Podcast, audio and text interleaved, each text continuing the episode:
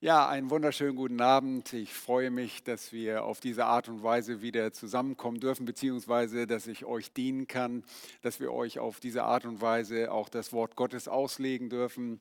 Herzliche Grüße auch von dem Technikerteam hier, Marcel, Gideon und auch Andreas ist vorbeigeschneit. Ja, wir freuen uns, dass wir das Wort Gottes öffnen können. Das Wort Gottes ist uns so wichtig, dass wir es auch auswendig lernen wollen. Ich möchte daran erinnern, dass wir das Wort Gottes in unserem Herzen bewahren. Das Wort Gottes ist so wunderbar im Herzen, dass es parat ist. Diese Woche der Vers, aber unser Gott ist im Himmel. Er tut alles, was ihm wohlgefällt. Diese Worte wollen wir auch betrachten, seine Worte, das Wort Gottes wollen wir betrachten. Und wir legen zurzeit die Psalmen aus, aber bevor wir das tun, wollen wir den Herrn einfach um seine Hilfe bitten. Himmlischer Vater, dir sei herzlich Dank für deine große Barmherzigkeit, dass du dich uns geoffenbart hast. Du hast dich in deinem Wort geoffenbart und du hast das ewige Wort Fleisch werden lassen. Du hast deinen Sohn gesandt, Danke dafür, dass du dich darin geoffenbart hast, wie du bist, wer du bist. Wir dürfen erkennen, dass du der ewige, der wunderbare Gott ist, der gekommen ist, auch Herr Jesus Christus, um uns zu erretten. Danke für das große Privileg, das wir haben, dass wir dein Wort haben. Hilf uns niemals gleichgültig zu sein oder nicht sensibel zu sein zu dem, was du sagst. Hilf uns auch jetzt an diesem Abend in dieser halben Stunde, dass wir uns auf dein Wort konzentrieren können. Mögest du zu uns reden und dich verherrlichen. Danke um Jesu Namen. Amen. Ja, am vergangenen Mittwoch haben wir uns kurz mit Psalm 120 beschäftigt und gesehen, dass dort von dem Heimweh und den Nöten sowie der erfahrenen Rettung des Pilgers geschrieben steht. Und der Psalmist sah sich als ein in dieser feindlichen Welt lebenden Fremdling, der unterwegs auf der Pilgerreise zu einer ewigen Stadt war. Die Wallfahrtslieder, Stufenlieder, hebräisch Ma'alot-Lieder, die wahrscheinlich von den jüdischen Pilgern zu ihren drei verordneten Jahresfesten beim Aufstieg nach Jerusalem gesungen wurden, erinnerten daran, dass das eigentliche Ziel nicht die vergängliche Stadt in Israel war, nicht das irdische Jerusalem, sondern die ewige Stadt, das himmlische Jerusalem, das Zion, das auf der neuen Erde und aus dem Himmel erscheinen und herabkommen wird. Natürlich freute der Pilger sich auch auf die Zeit mit den Brüdern des Glaubens und an dem besonderen Ort der Anbetung in Jerusalem, um dort zu verweilen, um Gott dort anzubeten. Das war immer eine besondere Zeit. Nun, die auf dieser Erde reisenden Pilger wurden schon damals durch die Texte dieser Psalmen daran erinnert, dass sie inmitten einer feindlichen Welt, in der sie für eine Weile leben sollten, auch zu Recht Heimweh auf ein perfektes Zuhause haben würden. Umso mehr freuten sie sich auf die Zusammenkunft und die Gemeinschaft der Heiligen in Jerusalem als eine Art Vorgeschmack auf das, was im himmlischen Jerusalem kommen würde. So ähnlich wie es für uns auch in der Gemeinde ist. Ein Vorgeschmack auf die ewige, wunderbare Gemeinschaft, die wir haben werden. Sie wurden auch daran erinnert, dass sie unter diesen oft schwierigen Umständen während ihrer geistlichen Pilgerschaft auf Erden nicht allein gelassen sein würden. Und der Psalmist im Psalm 121, er schärft zunächst seinen eigenen Blick und dann den Blick seiner Leser und Zuhörer für die beständige Hilfe Gottes inmitten dieser feindlichen Welt. Hilfe bei dieser Pilgerreise war und ist immer noch für die Kinder Gottes vorhanden. Diese Hilfe ist eine Person, und von dieser Person werden wir jetzt im Psalm 121 lesen. Aber lasst uns nur kurz ein paar grundsätzliche Dinge wiederholen. Die 15 Wallfahrtslieder wurden durch den Geist Gottes in Dreiergruppen angeordnet. Und diese Anordnung dieser Psalm ist nicht willkürlich, das ist nicht irgendwie so da nur hingeklatscht. Nein, der Geist Gottes, so glauben wir, brachte sie in eine thematische Reihenfolge und Anordnung. Die 15 Psalmen machen fünf sogenannte Triaden, Dreiergruppen aus. Das sind fünf mal drei Psalmen, 15, einfache Mathematik. Diese Dreieranordnung bringen den Leser sowie die Sänger gewissermaßen von einer Stufe der Erfahrung und Einsicht zu der nächsten höheren.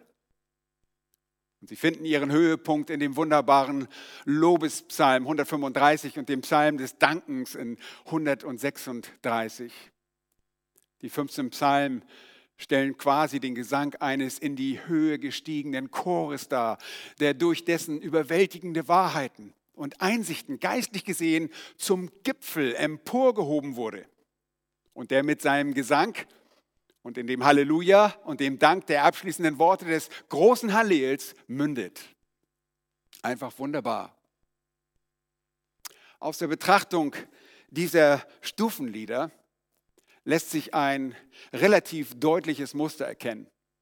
Jeder dieser Dreiergruppen beginnt mit einem Psalm, der sich durch eine Notsituation und ein Problem darstellt. Der mittlere Psalm drückt das Vertrauen in die Macht Gottes aus und jeder abschließende Psalm einer solchen Triade endet mit dem Triumph und Schutz Jahwes und zeigt die Erfahrung und Beziehung zu Israel, Jerusalem bzw. Zion. Heute bei Psalm 121, den zweiten Psalm der ersten Triade, sehen wir, dass das Vertrauen in die Macht und Hilfe Gottes gerechtfertigt ist. Der Psalmist schärft den Blick für die Realität der Hilfe und gibt mit Psalm 121 Ermutigung inmitten der von Psalm 120 ausgedrückten Nöte. Erinnert ihr euch? Inmitten von Lügenmäulern und falschen Zungen, inmitten von persönlicher Schwäche und natürlichen Gefahren ist Hilfe auf dem Weg in die geistliche Heimat vorhanden.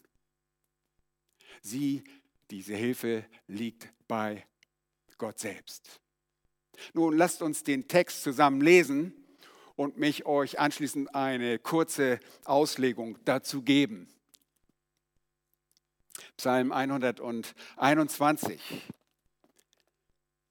ein Wallfahrtslied. Ich hebe meine Augen auf zu den Bergen. Woher kommt mir Hilfe? Meine Hilfe kommt von Jahwe, der Himmel und Erde gemacht hat. Er wird deinen Fuß nicht wanken lassen. Und der dich behütet, schläft nicht.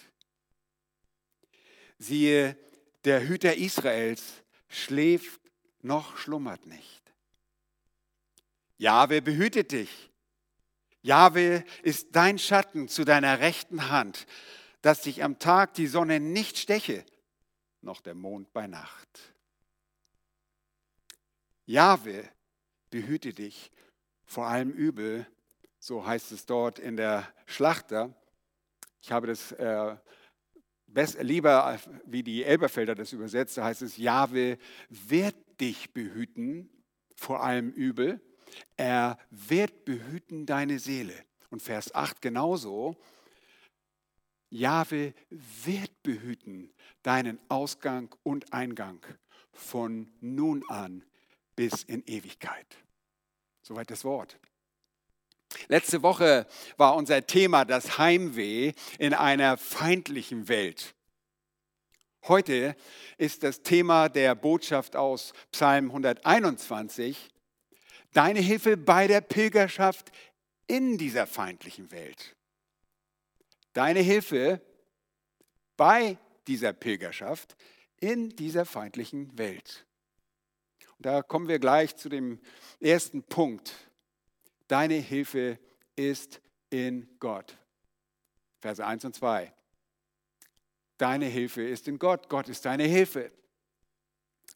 Da heißt es nochmals in Vers 1, nach dem Wallfahrtslied, darüber haben wir gesprochen, ich hebe meine Augen auf zu den Bergen. woher kommt mir Hilfe?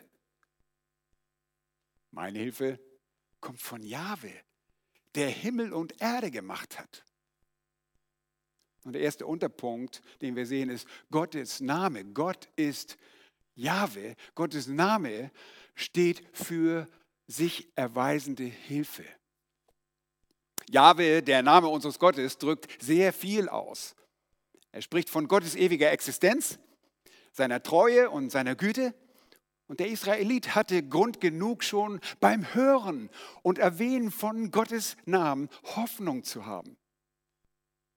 Jahwe, der dreieine Gott, hat sich in der Geschichte der Menschheit und speziell in der Geschichte seines Volkes immer als wahrhaftig und treu erwiesen. Und er wird sich, weil er der Ewige ist, auch weiterhin erweisen.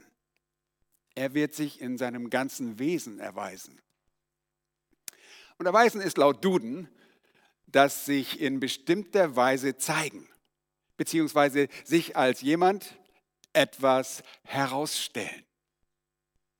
Und Jahwe ist der Bundesgott Israels, der bündnishaltende Gott, der absolut vertrauenswürdig ist. Und das, was er zusagt, das hält er und hielt er gewiss. Und das haben wir auch am Sonntag gesehen, dass Jesus, der Sohn Gottes, aufgrund seiner Wahrhaftigkeit alle seine Verheißungen, alle seine Versprechungen bereitwillig und unbeirrt erfüllt. Er half der demütigen glaubenden Syrophönizierin. Er hilft allen Kinder Gottes, sowohl physisch als auch geistlich. Der pilgernde Psalmist, der in den Berglandschaften seines Landes auf den Weg nach Jerusalem unterwegs war, zu diesen Wallfahrten oder auf diesen Wallfahrten, sah sich oftmals von Feinden bedroht. Hinter den Felsen konnten wilde Tiere lauern oder aber auch Banditen, Räuber, die sich in Felsspalten verschanzten und die Reisenden überfielen. Deshalb reiste man auch gerne in Karawanen, um sich so zu schützen. Der Autor des Psalms sah in Jahwe Gott seine Hilfe und er war vollkommen getröstet. Und der Psalmist erhebt seine Augen in Erwartung auf diese Hilfe, auf die Berge, in die Höhe, vielleicht auch aus Furcht in feindlicher Umgebung und aus Furcht vor feindlich gesinnten Menschen und stellt sich eine Frage. Woher kommt meine Hilfe? Nun, er hat die Antwort. Und der gottesfürchtige Israelit und sicherlich auch die zum Juden übergetretenen gottesfürchtigen Proselyten würden sich jetzt die Antwort geben, die in Vers 2 aufgeschrieben ist. Meine Hilfe kommt von Jahwe. Jetzt wird etwas über ihn gesagt, der Himmel und Erde gemacht hat. Und diese Antwort ist für den gläubigen Menschen ein sicheres Privileg. Ohne die erfahrene Rettung von Sünde und Tod, Erlösung vom ewigen Tod, kann niemand diese Antwort mit ernst gemeinter Gesinnung geben. Wir als Kinder Gottes können das sehr wohl. Wir versäumen leider nur oft, diese Wahrheit zu realisieren. Und deshalb lass mich dir diese Frage des Psalmisten stellen. Woher kommt deine Antwort? Woher kommt deine Hilfe vielmehr? Nochmals, der Psalmist predigt zunächst zu sich selbst und er schärft seinen eigenen Blick für die immer präsente Hilfe, verinnerlicht diese wunderbare Wahrheit, die ihn zur Ruhe bringt und sicher reisen lässt. Ob es nun seine physische Pilgerreise nach Jerusalem zu den Festen war oder die geistliche Pilgerschaft bis zu seinem endgültigen Ziel, das himmlische Jerusalem, das geistliche Zion. Und er war getrost. Wie steht es mit dir? Woher kommt deine Hilfe? Sie steht in Jahwe, der sich dir bereits als Hilfe erwiesen hat, wenn du ein Kind Gottes bist. Wie hilfreich, hilfreich ist er und was kann er? Der Psalmist zeigt es dir gleich in Vers 2. Zweiter Punkt. Jahwes Schöpfung steht für allmächtige Hilfe. Jahwes Schöpfung steht für allmächtige Hilfe. Der Psalmist sagt, meine Hilfe kommt von Jahwe, der Himmel und Erde gemacht hat. Jahwes Schöpfung ist das ultimative Beispiel für seine Allmacht. Gott, der in der Lage war, Himmel und Erde aus dem Nichts zu schaffen, durch den Befehl seines Mundes, um Gott hier mal ein paar menschliche Eigenschaften zu zerschreiben, der ist durchaus in der Lage, sich auch um dich zu kümmern, dir zu helfen. Und wenn du das nicht sehen und glauben kannst, dann bist du vielleicht religiös, aber du bist kein Kind Gottes. In Jeremia Kapitel 2, Vers 8 prangert Jahwe selbst das abtrünnige Volk und deren religiösen Leiter an. Und er sagt dort, die Priester fragten nicht, wo ist Jahwe? Und die mit dem Gesetz umgingen, erkannten mich nicht. Die Hirten fielen von mir ab und die Propheten weissagten durch Baal und liefen denen nach, die nicht helfen konnten, die nicht helfen können. Jahwe der alleinige und souveräne Gott, kann helfen. Und er wird seinen Kindern helfen. Er ist nicht nur gewillt, sondern auch fähig, seinen Kindern die nötige Hilfe zu erweisen, die sie brauchen. Die Schöpfung allein garantiert dafür. Nun, der Psalmist zeigt uns jetzt im zweiten Teil des Psalms ab Vers 3, dass die Hilfe nicht nur ihm persönlich zur Verfügung steht, nein, sie gilt dem gottesfürchtigen Israeliten, Israel kollektiv und letztlich allen Kindern Gottes. Um das deutlich zu machen, wechselt der Psalmist die Personalpronomen, die persönlichen Fürworte. Und wir lesen jetzt Vers 3, er wird deinen Fuß nicht wanken lassen. Und der dich behütet, schläft nicht. Siehe, der Hüter Israels schläft noch schlummert nicht. Gerade sprach der Psalmist noch von Jahwe als von seiner eigenen Hilfe. Jetzt will er seinen geistlichen Durchblick, seinen geschärften Blick auch seinen geliebten Brüdern mitteilen. Er ermutigt und definiert diese Hilfe detailliert.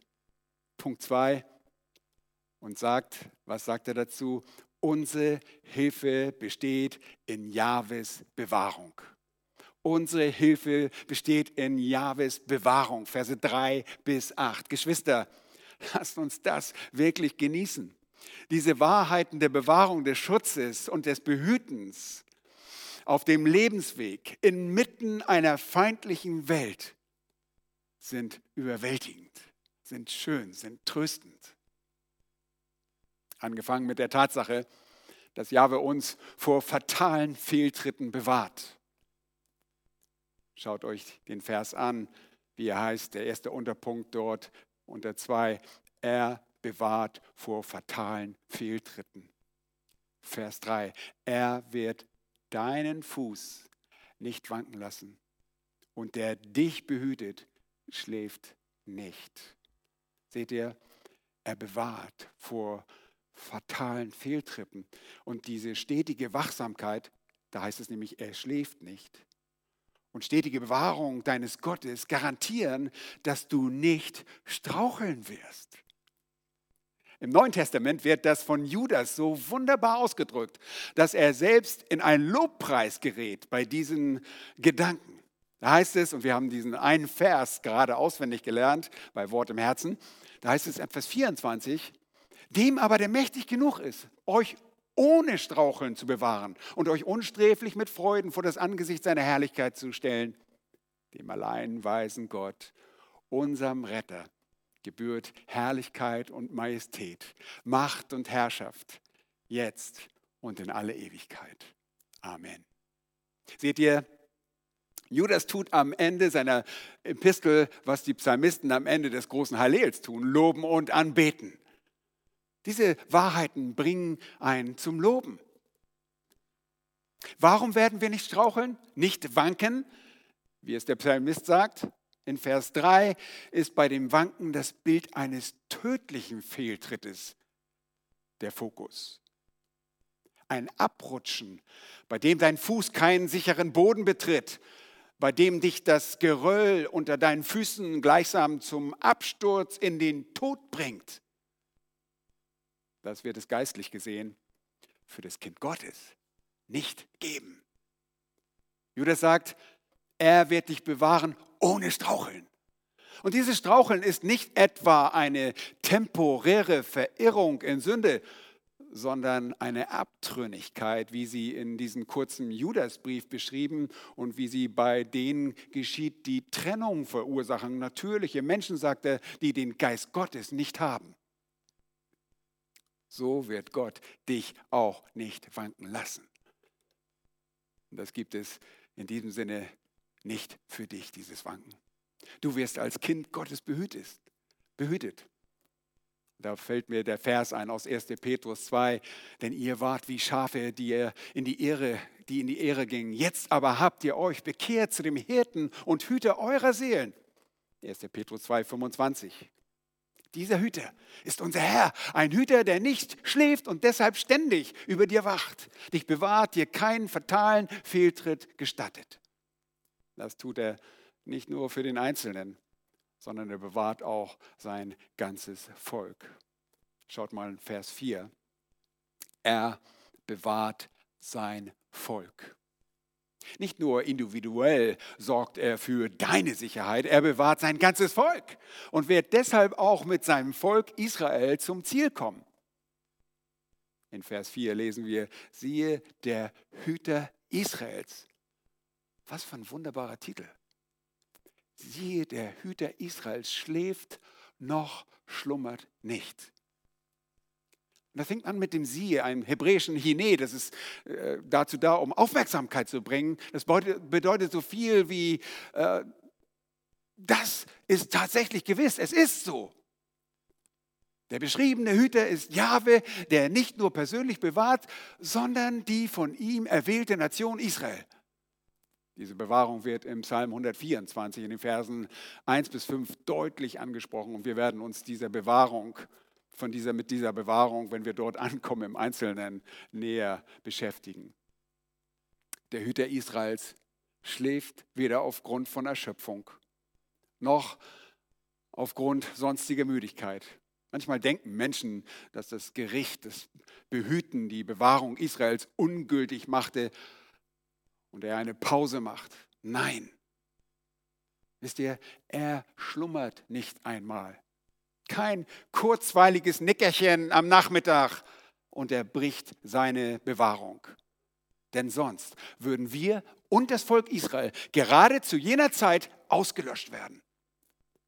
Zu keiner Zeit entgibt ihm irgendetwas und deshalb kann er immer aktiv in der Bewahrung und dem Schutz seines erwählten Volkes tätig sein. Ganz recht. Er ist aktiv. Und sein Volk wird bewahrt. Und drittens, er bewahrt vor Gefahren der Natur. Verse 4 und, äh, 5 und 6. Er bewahrt vor Gefahren der Natur. Da heißt es, Jahwe behüte dich. Jahwe ist dein Schatten zu deiner rechten Hand, dass dich am Tag die Sonne nicht steche, noch der Mond bei Nacht. Jahwe behütet den Pilger ganz persönlich auf all seinen Wegen. Und er tut das physisch, aber vor allem ist er ihm wie ein Schatten, der den Reisenden von der Hitze der Sonne am Tag beschützt. Er wacht über den Pilger, so dass er nicht schwach wird und seine Fähigkeiten schwinden. Und er beschützt ihn auch vor nächtlichen Gefahren, ohne näher auf das Stechen des Mondes eingehen zu wollen könnt ihr mich persönlich mal fragen. Der Schutz und die Bewahrung durch Jahwe sind rund um die Uhr gewährleistet. Welch ein Trost für uns. Jahwe, unser Gott, ist auch da, wenn Katastrophen oder Krisen über das Leben einbrechen. Er kann nicht nur mit allen Krisen umgehen, sondern lässt uns diese zu unserem Wohl gereichen. Ob das durch Wasser, Sturm, Sonne oder andere Himmelskörper geschieht. Er ist da. Und das ändert jegliche Perspektive, auch die Sichtweise über ein Coronavirus. Er ist da und er hat die Kontrolle. Er ist deine Hilfe bei allen natürlichen Gefahren. Schaut in Vers 7. Er bewahrt vor allem Bösen. Ich lese es, wie es die Elberfelder wiedergibt. Jahwe wird dich behüten. Dich vor allem Übel. Er wird behüten deine Seele. Egal, was du erlebst, egal wie das oder was, äh, wer das Böse ist und dir, wie es dir begegnet, egal in welcher Person, er wird dich behüten. Und die Schlachter drückt das hier zwar als ein Bittgesuch aus, ein Wunsch. Ich denke, die bessere Übersetzung ist hier, wie es die Elberfelder sagt, sie bestätigt mit ihrer Übersetzung, dass Jahwe dich immer behüten wird. Das ist real, das wird so geschehen. Er tut das vor allem Übel, vor all dem Bösen, was in dieser Welt so verbreitet ist. Und Johannes schreibt in 1. Johannes 5, Vers 19, wir wissen, dass wir aus Gott sind und dass die ganze Welt sich im Bösen befindet oder die ganze Welt in dem Bösen liegt. Das Böse und der Böse begegnen uns. Es ist real, es ist präsent. Der Feind ist auch nie weit. Aber wir dürfen uns in der, mit der, in der Hilfe und Bewahrung Gottes trotz allem einfach sicher wissen. Satan und sein, sein ganzes Pandemonium sind ihm unterlegen und bereits faktisch besiegt. Letztlich können wir nur loben und preisen. Denn der letzte Punkt, Vers 8, er bewahrt dich auch künftig auf allen Wegen. Das ist Jahwe wird behüten deinen Ausgang und Eingang von nun an bis in Ewigkeit. Auch hier hört es sich in der Schlachter 2000 wie ein Segenswunsch an. Es ist besser, dies als Gewissheit zu übersetzen. Jahwe behütet und wird behüten. Er erwies sich, er erweist sich und er wird sich als Hüter auf deinen Wegen erweisen. Ist es nicht ein Grund zur Freude, einfach zu wissen, dass wenn du ein- und ausgehst, egal wo ursprünglich für den Israeliten aus der Stadt zur Arbeit und zurück in die Stadt, in dem er wohnte, aber ausgeweitet an jeden Ort, dass Gott dich begleitet und dich bewahrt, egal wohin du gehst. Ist es nicht sehr beruhigend?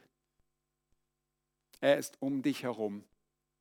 Und bei dieser Rundum-Versicherung gibt es auch nichts Kleingedrucktes. Trifft leider nicht auf schwache Christen zu oder dergleichen. Nein, keine Ausnahmeklausel. Er bewahrt übrigens nur die Schwachen. Oh, also doch eine Ausnahme. Nein, denn es gibt keine anderen Menschen. Nur solche, die sich etwas auf sich einbilden, wenn sie denken, dass sie stark sind. Er ist unsere Hilfe, weil wir schwach sind, weil wir ihn brauchen. Und das tut er in seiner treuen Bewahrung, jetzt und in alle Ewigkeit. Egal wohin du auch gehen magst, er wacht über dir. Nun, unser Leben in dieser feindlichen Welt kann entmutigend sein. Wir beginnen so manches Mal an zu jammern und zu klagen und wir kennen auch das Heimweh aus Psalm 120. Wir kennen die Lügenmäuler und die falschen Zungen. Wir wollen zum Herrn. Das ist aber nicht alles. Denn unser Gott Jahwe, der alleinige Gott, macht uns auch dankbar, froh und sicher, sodass wir mit festen Tritten pilgern können. Die Pilgerreise, auf der auch wir uns als Kinder Gottes befinden, kann frohgemut fortgesetzt werden, weil du eine mächtige Hilfe hast. Jahwe, dein Helfer in der Not.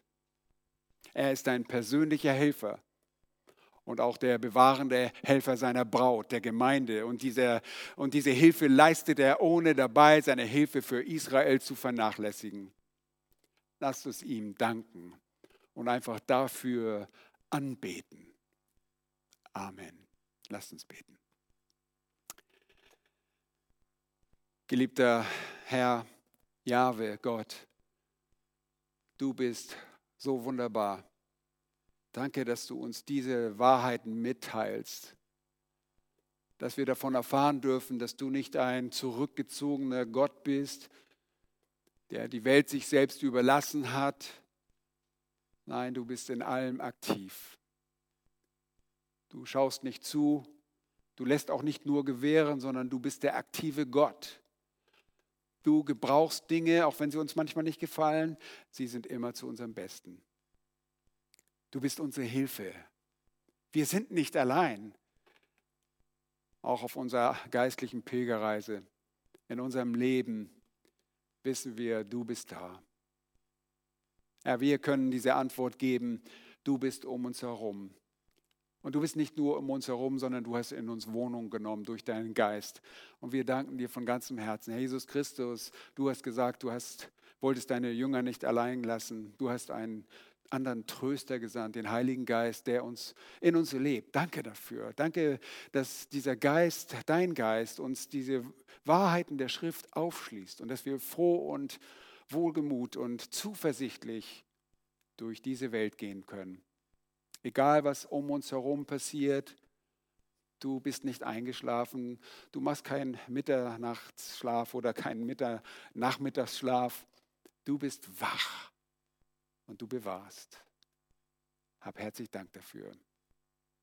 Wir befehlen uns auch für den Rest dieser Woche deiner Gnade an und bitten dich, Herr, bewahre du uns auch vor Krankheit und vor Fehltritten, so wie du es gesagt hast. In Jesu Namen. Amen.